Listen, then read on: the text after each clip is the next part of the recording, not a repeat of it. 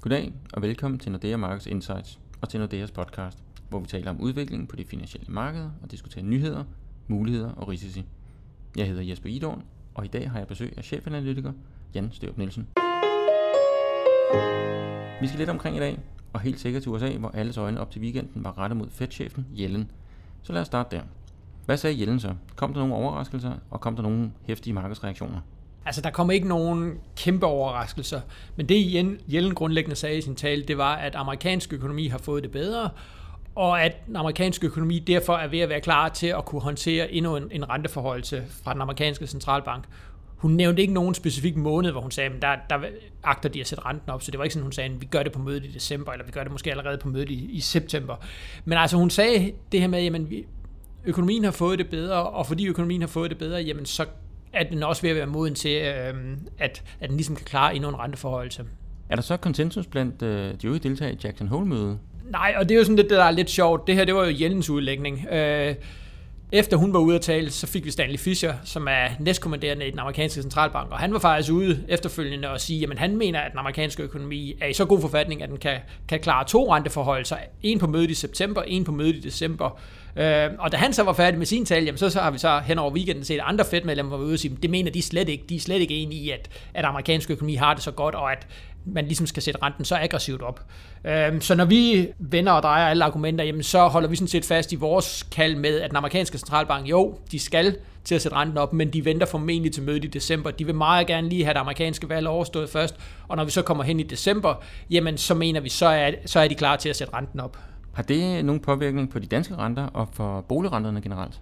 Ja, det vil det have. Altså, vi har jo ellers set i en periode, øh, at de danske renter er blevet ved med at falde, og vi har jo fået, at, øh, at blandt andet boligrenterne, de danske boligrenter, er jo, øh, altså, det er jo rekordlave renter, vi ser lige nu. Vi har sådan et fastforrentet 30-årigt øh, lån, jamen der, der, der ramte vi jo en 2% op i, op i kurs 98, så det har, vi, det har vi aldrig set før. Så man kan sige, at de danske renter er på det laveste niveau, vi nogensinde har set. Hvis den amerikanske centralbank, som vi regner med, kommer til at sætte renten op, jamen, så vil det altså også være med til at ligesom, løfte de danske renter. Så det er noget, som, som også vi herhjemme kommer til at mærke.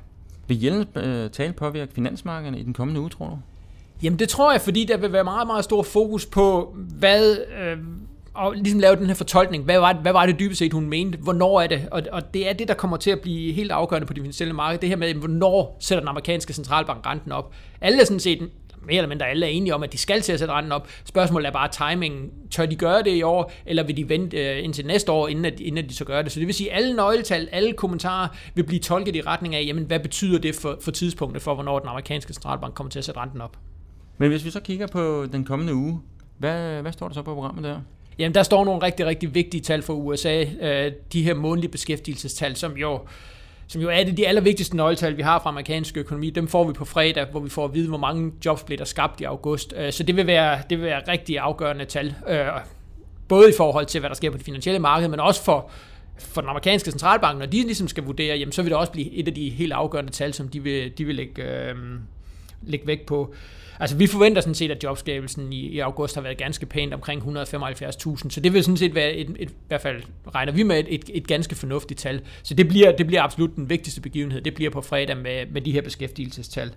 Udover det, vi får også nogle, nogle nøgletal fra Europa, som også øh, bliver interessante, blandt andet inflationstallene. Øhm, og også her hjemmefra på onsdag, der får vi jo øh, de danske væksttal, øh, som viser, hvordan er det gået den danske økonomi i anden kvartal. Så der, der er masser at holde øje med. Okay, kan der komme nogle overraskelser i, i ugens løb her? Jamen, jeg ved ikke, øh, altså, det, det, igen, det hvor vi vil lægge allermest vægt på, jamen det vil være på de amerikanske nøgletal, fordi det er det, der bliver vigtigst for, hvordan det kommer til at gå med aktierne, hvordan det kommer til at gå med renterne. Det vil være, hvordan de amerikanske nøgletal, så man kan sige, en hver afvielse fra konsensus på de amerikanske nøgletal, det vil, det vil kunne fremkalde relativt store effekter på de finansielle markeder. Så det, det er nok der, hvor vi skal, det, vi skal holde mest øje med, det, det vil være på de amerikanske nøgletal. Men altså helt overordnet, jamen, så mener vi jo sådan set, at amerikansk økonomi er i en, i en relativt god forfatning, og at, og at de godt kan begynde at bære den her renteforholdelse. Så, så vi tror sådan set, at nøgletallene et eller andet sted vil bekræfte den, den opfattelse af, at amerikansk økonomi har det altså grundlæggende fornuftigt, og at, at den amerikanske centralbank derfor også med, med ro i sindet kan sætte, øh, sætte renten op i december. Vi får se, hvad ugen byder på, Jan. Tak for nu. Hvis du vil vide mere om, hvad der rører sig på de finansielle markeder, kan du finde vores research og analyser på nexusnordea.com og vores podcast på insightsnordeamarkets.com. Og husk, at du kan abonnere på vores podcast, så du får dem, så snart de udkommer. Og så kan du som altid også besøge os på LinkedIn og følge vores analytikere på iTunes og på Twitter. Tak for denne gang, og på genhør.